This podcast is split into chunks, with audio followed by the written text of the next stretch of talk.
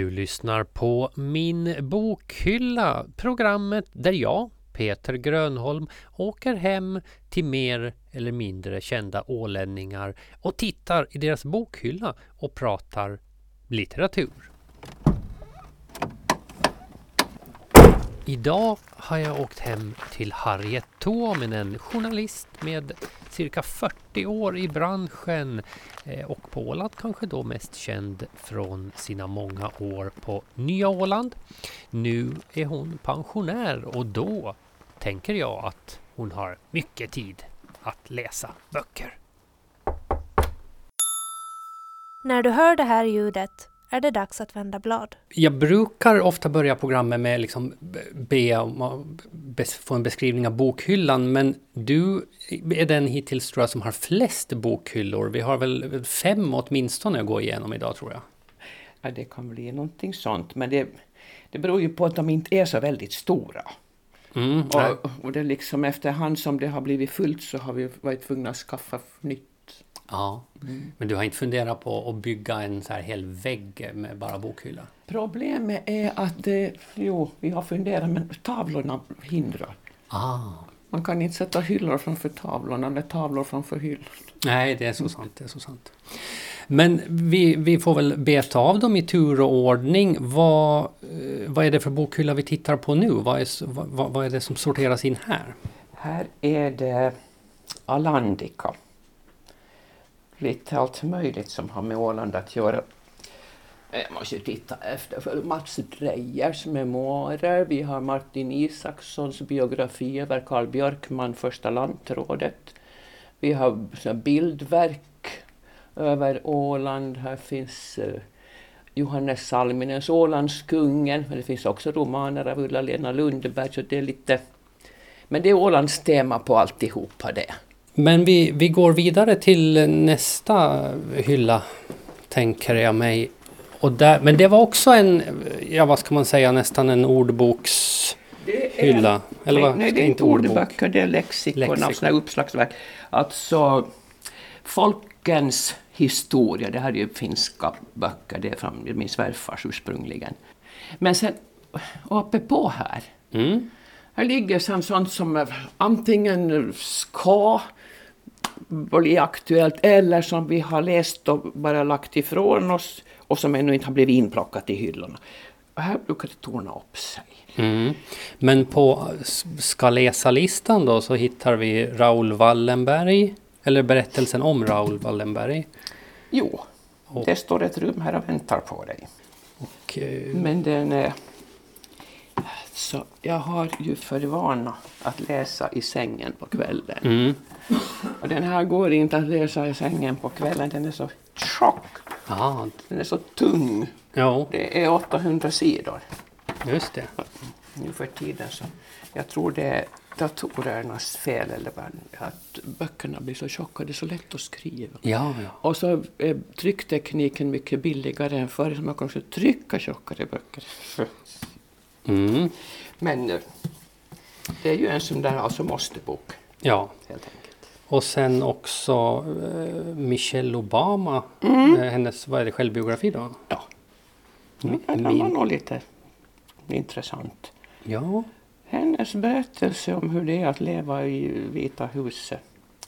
Nej, mm. hon kan inte ens alltså, hon kunde inte gå ut genom dörren utan att uh, Secret Service var med och gav tillstånd. Hon försökte en gång smita ut med sin dotter för att titta på stjärnhimlen eller vad det var. Det blev en himla kalabalik.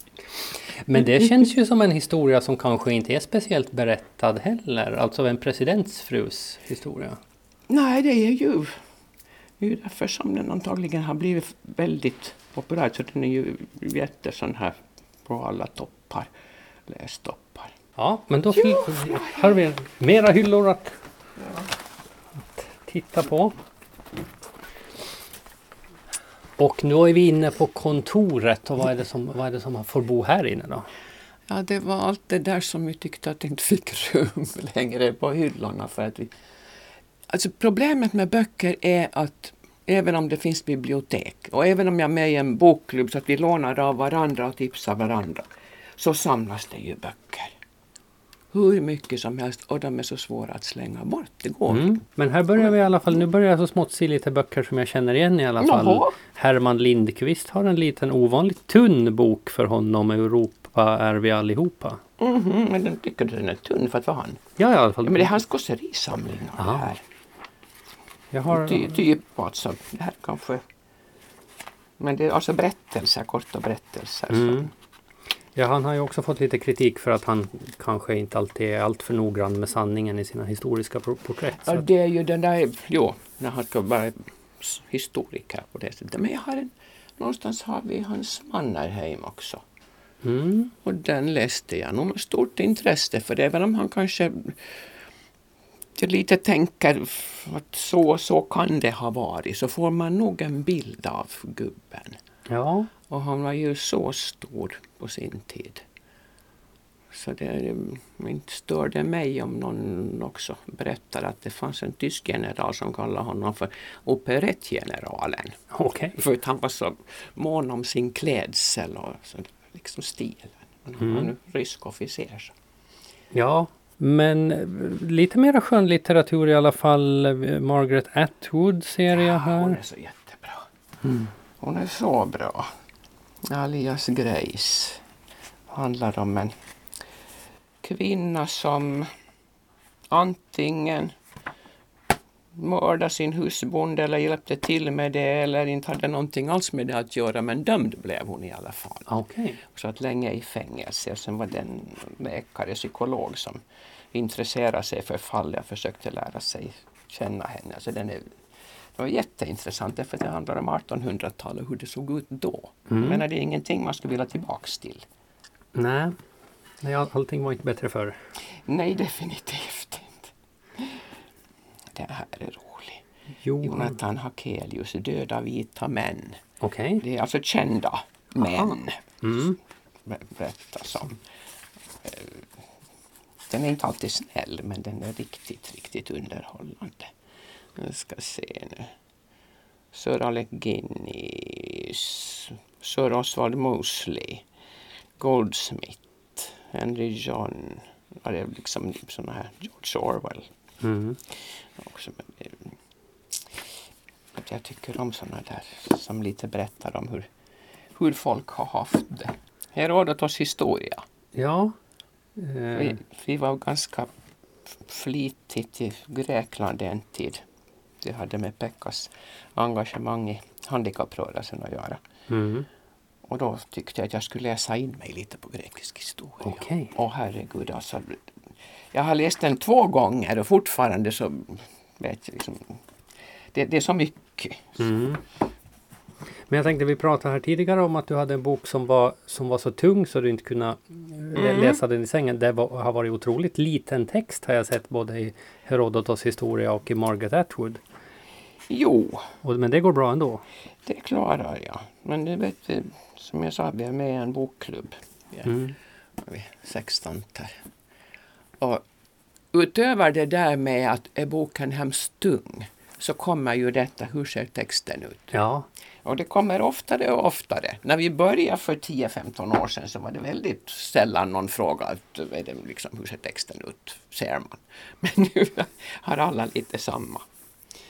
Men där finns det kanske hopp då tänker jag för, för i vad utsträckning unga börjar läsa mera på läsplattor och, och, och olika e-böcker så, så borde ju läsarkretsen bli äldre på eh, pappersböcker varpå texten borde bli större och böckerna borde bli enkl- lättare. Ja, borde. Mm.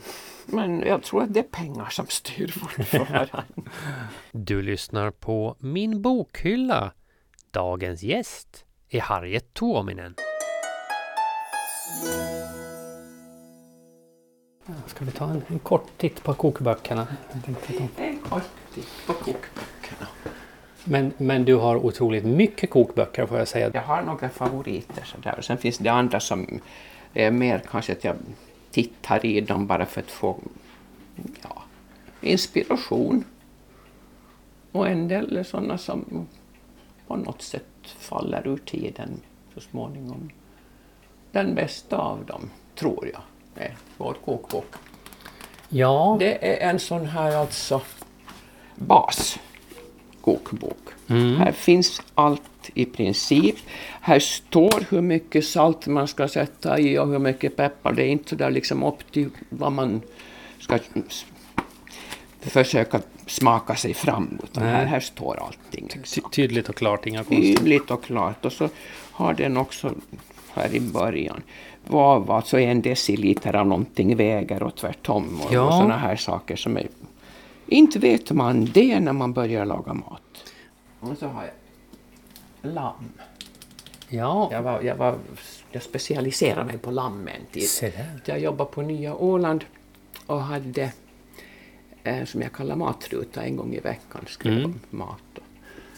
Och, och då tyckte jag att vi äter ju så himla lite lamm. Det var, här var också 80-tal. Ja. Så jag började propagera för lamm. Det- tills en kollega sa att finns det ingenting annat än lamm? Så jag tänkte okej, jag måste börja blanda ut lite. Ska vi röra oss Ja, till, ja. vad är det den sista bokhyllan vi är på väg mot nu då kanske? Fast den största också tror jag. Eller, eller du har ytterligare några till i, i, i gömmorna så här. Det är ju skåp Ja, som jo. vi har satt in här i en korridor efterhand som vi inte fick rum för dem någon annanstans. Men här har vi sorterat politik tycker Det jag det ser här som. är nog väldigt mycket politik. Kekkonens eh, kvarnbrev. Han Jaså. skrev brev till folk där han kunde skälla ut dem till byxor och tröja. Och det kallas det så, alltså brev från min kvarn. Mm. talar han om. Men det, hans biografi då, Urho Kekkonens i två, fyra, fe, sex band. Jo du, Det känns lite, jag miss, det, det är misstänkt torrt. jag har inte läst dem. Ja. Fast de där kvarnbreven låter, låter Kvarn, spännande. kvarnbreven är nog betydligt roligare. De Mm. har jag faktiskt läst men det är ju länge sedan nu så kommer jag ihåg. Jag bara minns att han kunde vara väldigt elak. Och sen här är då Finlands president. Här är ju två tjocka band. Tage Erlanders dagböcker. Gro Harlem Brundtland. Två böcker om henne. Georg Branting. Och vem är det där? Så tänker jag. Ja, Ingemar Karlsson. Om det är Simon Sebag Montefiore som har skrivit om Stalin. Han har skrivit någon till som jag tycker vi borde ha men som jag inte får ögonen på nu. Men han är bra. Mm. Det är sådär alltså att det är inte torrt och tråkigt utan man kan faktiskt läsa som en bok samtidigt som man blir förskräckt över hur världen ser ut eller har sett ut. Olof Lagerkrantz ser jag här. Eh, Ett år på 60-talet. Det är en författare som, som jag aldrig har läst. Men han var ju som någon slags nästan kunglighet i, i svenska litteraturkretsar när han levde. Hur, hur är hans böcker? Jo, och det här handlar om när hans tid på Dagens Nyheter. Han var chefredaktör. Och sånt är ju alltid intressant för en journalist. Mm. Läsa om hur andra har haft det. Anständigheten. På 1950-talet var ordet knulla fyllt av sprängkraft. Första gången det dyker upp i Dagens Nyheters spalter kommer våra prenumeranter, sa vi oss, att med indignationens vredes rodnad på kinden bryta upp och gå över till ett anständigare blad. Och så en dag stod ordet där och inte en katt hörde av sig. Det är alltså jag tycker det är rätt fantastiskt hur mycket det har ändrats. Inställningar, samhälle, allt möjligt. På den tid jag har varit aktiv. Och jag har ju inte tänkt dö ännu ens. No, det här är sen alltså lyrik som jag som sagt inte förstår mig på. Alltså, det hör till att man ska ha ifall man känner någon som har gett ut en bok. Ja. Så då ska man ha det. Men Tua Forsström är i och för sig nog värd att läsa på något sätt, men man ska ge sig tid. En kväll i oktober rodde jag ut på sjön, heter Tua Forsström, så sån här liten, liten en. Och jag blev så full i skratt när jag läste just precis den dikten, för hon rodde ut på sjön för att dränka fisk som hon hade haft i frysen och som hade blivit gammal och som hon måste bli av med på något sätt. Så då rodde hon ut på sjön Och dränkte fisk. till fisken.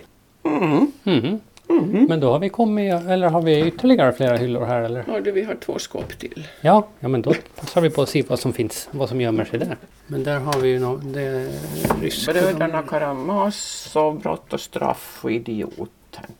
Ryska. Men sen har vi Mika Valtari. Han är värd att läsa. Han är faktiskt intressant. Han, han hade aldrig varit i Egypten och skrev i detalj hur det gick till i det forna Egypten. Alltså jag vet inte hur man gör då. Men så gjorde det. Det var fantastiskt. Men det finns, vad står det? Romersk litteratur, grekisk litteratur. Oj, här är jag, har jag sånt också? Salman Rushdie, ja, ursinne. Mm. Alltså inte skulle det vara roligt att vara författare och hotad till döden för att man ger ut någonting som... Ja, jag fattar att det skulle vara något farligt med den. Storm över Frankrike. Ja. Nemirovski. Hon är bra. Mm. i slutet av hyllan och Ålands bekanting Bill Clinton, jo, mitt liv. jo. Fast det visste vi ju inte då. Nej, han skulle dyka upp här mitt i allt. du har, inte- så du har inte ru- rusat och köpt den efter att han dök upp här? Nej, du ser liksom att han är så långt in och bak så han har nog funnits där några år. De dunkla butikernas värde, världens mått. Den var rolig. Det finns alltså när jag går igenom böcker Men där så hade... kommer jag ihåg sånt som jag har läst och tänkte, men gästas den där har jag glömt, den var ju jättebra. Och sen kan jag läsa den på nytt. Ja, Ja. men jag såg där hade du också en Peter Englund som Jo. också är tunn. Det har jag heller aldrig sett tror jag. Han skriver ju bara tegelstenar trodde jag. Tystnadens historia och andra essäer. Ja, just det, det- men det är det- också en essäsamling. Ja, en essäsamling. Mm, Och han- skriver ju så bra. Men det, det är hemligheten om man, om man tycker att författare skriver för tjocka böcker så hittar man deras ess- essäsamlingar och noveller och sånt. Nej, men jag har nog läst, han gav ut, vad hette de där? Från krigets Europa. Som baserar sig på brev. Jo, Krigets skönhet och sorg Det var, skulle den kunna Ja. heta, den ena i alla fall. den Stridens skönhet. skulle kunna Mm. finnas någonstans. Röd galenskap, vit terror. Det är alltså kommit. Det handlar om inbördeskriget 1918 i Västnyland och jag är västnylänning. Okej. Så jag tyckte det var lite jätteintressant att läsa Ja, hur det gick till. Alltså det, det var nog en hemsk tid. men Det- det, där, det där känns ju som det skulle kunna vara en ganska ny bok va? Mm. För det har väl varit lite av tabu i, i Finland att prata om inbördeskriget. Jo, då för 2005 är det Ja. här. Men han har kommit ut samma, Sture Lindholm, han är historiker, jag tror han jobbar som lärare i historia. Han har skrivit fler böcker om den här tiden. Och det är ju, jag menar, det är ju bra att någon gör det nu äntligen. Så man får veta. Jag, det påstods... Min morfar var torpare under prästgården i Sjunde. Och han var skrivkunnig och anlitades då för att föra protokoll och sånt här vid olika möten. Och var, var väl nog då liksom lite sådär på herrarnas sida. Mm. Och hans svågrar, alltså min mormors bröder, var helt annorlunda. Så det påstods, vilket jag nu inte sen vet om det skoj eller inte, att mormors bröder och deras kompisar gömde vapen under golvet på torpet. Yes. Och jag menar, skulle det vara sant så det skulle ju vara en historia värd att berätta, men det finns ju ingen kvar av dem Nej, längre, just så det är ingen som kan berätta det. Och inte skrev man upp sånt. Nu ska vi se, nu, nu tror jag på riktigt. Nej, vi har två skåp till säga. Gardell finns han där där också. Alltså det finns så himla många som skriver böcker som jag tycker om. Mm. Men alltså, jag såg i en bokhylla så hade du ryska dockor och dina bokhyllor är nästan lite så också att man... Nu, det här är tredje hyllan som jag tror att, att det här var sista och så dyker det upp en längre och längre in i huset. men sen, sen liksom när det, den här hyllan bredvid är den sista. Ja, precis. Den sista Sen, sen finns det inga böcker någonstans annat än Men alla hyllor är egentligen fulla så det kan ju vara dags att skaffa en till bokhylla lite längre in i huset. Ja, men du ser, det finns inte riktigt rum. Ja. Björn Kollarp, Palatsbarnen. Det handlar om två flickor i Petersburg under revolutionen, ryska revolutionen. Och sen har den faktiskt, alltså historien har en koppling till Åland därför att de här, någon av flickorna, det var väl hennes, någon dotter då som hade en gudmor här på Åland. Minsann. Nu hittar jag också här Peter Englund Ja. som vi pratade om nyss, Stridens skönhet och sorg. Ja, men där var den. Du ser, jag skulle egentligen kanske behöva ha lite system så att man ska ha samma författare bredvid varandra. Mm. Sådär. Men jag vet inte riktigt. Jag har tänkt någon gång sortera upp men jag vet inte hur det ska gå till. Mm. Men här ser jag i alla fall en riktig eh, klassiker som, som nog finns i, i väldigt många bokhyllor i alla fall. Tove Janssons Sommarboken. Nå, ja men Tove Jansson, hon är så underbar. Hon är helt... Och som, alltså jag menar, sommarboken är ju då lite mer vuxet. Men det är alltså barnet och farmor som är på, på holmen. Men också alltså Mumintrollet-böckerna. Min man tror mig inte när jag säger att också vuxna kan läsa det för han är i sagor. Nej. Men det är liksom hon, hennes sagor är helt annorlunda. De är så vänliga och samtidigt så toleranta och allt sånt där. Hon är, Trollkarlens hatt fick jag för evigheters evigheter sen. Det, var det 1948. Jag kunde inte ens läsa då så det måste vara min syster som fick den för hon var fyra år äldre. Och lite väl läst också. Gått sönder. Men den var fascinerande. Men den här, Anna-Lena Bengelsdorf om Gustav John Ramstedt. Det var han som såg till att Åland förblev som en del av Finland. Han lyckades påverka japanerna under dem då i Genève. För han nämligen var ambassadör i Japan, eller sändebud hette det på den tiden. Och hade väldigt goda kontakter där och kunde lägga fram Finlands sak och argument. Så jag vet inte om alla på Åland älskar honom men det var i alla fall det han gjorde. Och Leo Lötman. Himlen över Helvetinjärvi som är därifrån hans släkt ursprungligen kom, eller hans mammas.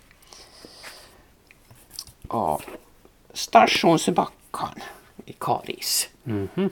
För där var, fanns, växte hans mamma upp. Innan hon sen hittade sin man och flyttade hit till Åland så småningom. Ja, han har skrivit många böcker. Det finns någon annanstans resten. Men det här var sånt format att de inte riktigt fick plats annat än liggande. Mm. Något mer du vill se? Jag vet, det passar väl på att titta på den, den bokhyllan när vi har tagit oss så här långt.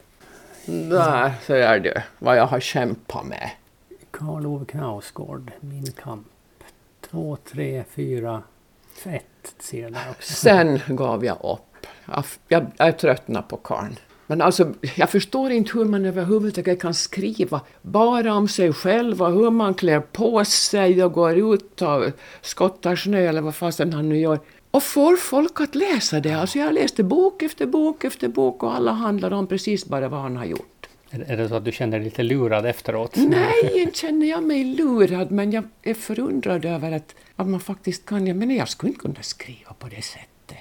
Att i morse sov jag ganska länge. I och för sig jag mejlar till min syster varje dag och då berättar jag ju liksom sådana saker. Men det är ingenting man ger ut som bok. Här har vi Guillous, de här Europa. Blåstjärnan, amerikanska jeans, mellan rött och svart dandy, Brobyggarna. Alltså Brobyggarna var faktiskt den bästa tyckte jag, hans första. Mm, Men, men han skriver ju, han skriver bra.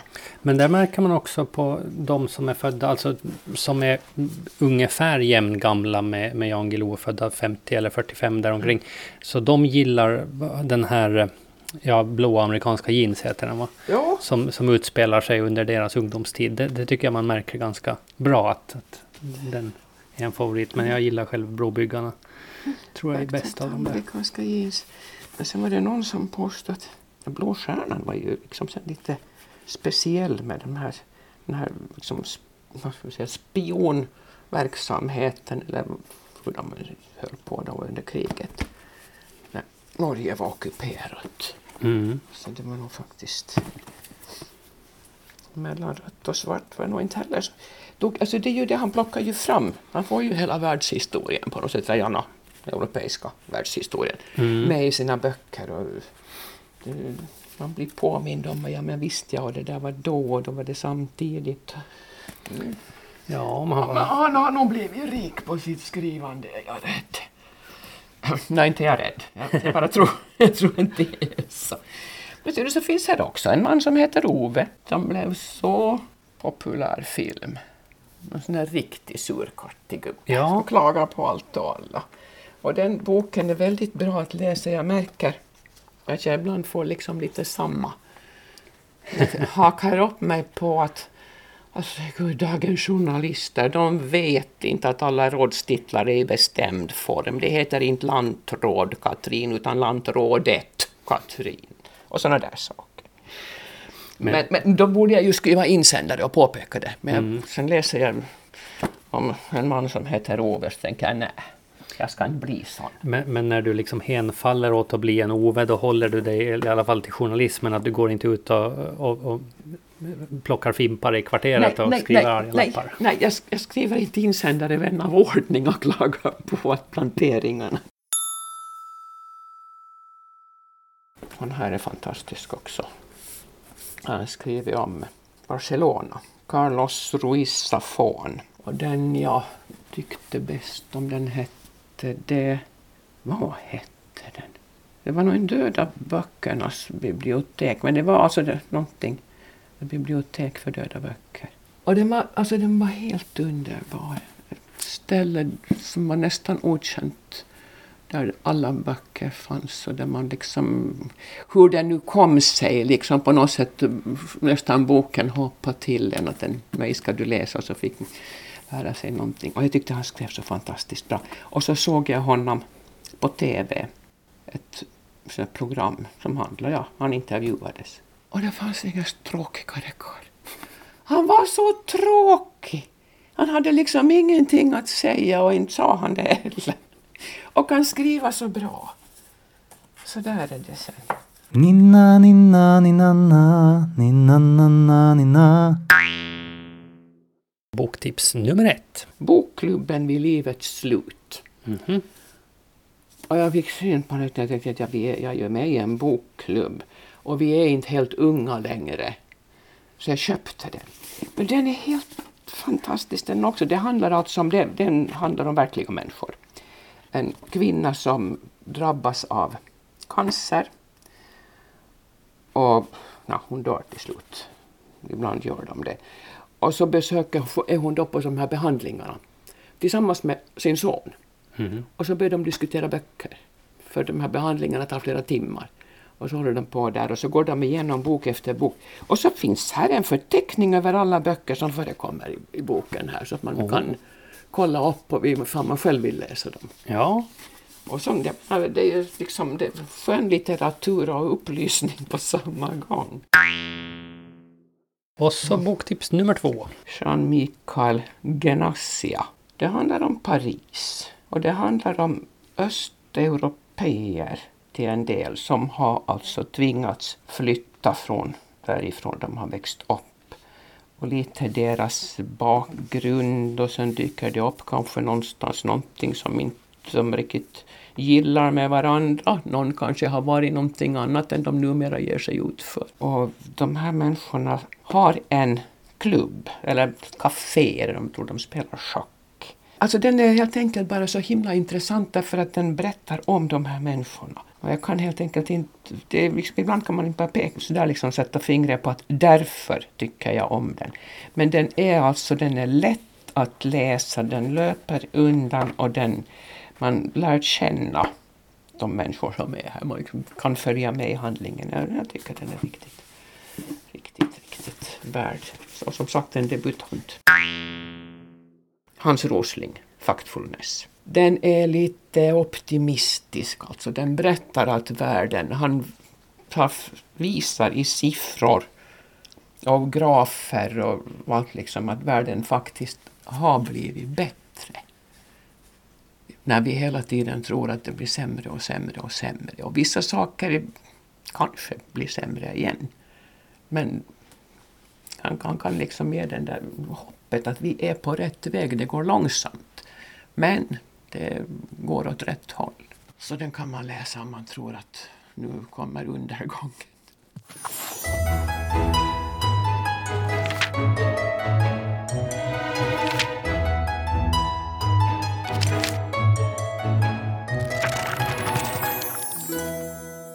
Du har lyssnat på Min bokhylla med mig Peter Grönholm och dagens gäst Harriet Tuominen. Vill du höra programmet igen eller något av de andra programmen i serien? Surfa in på alandsradio.ax och klicka dig fram till podcasts.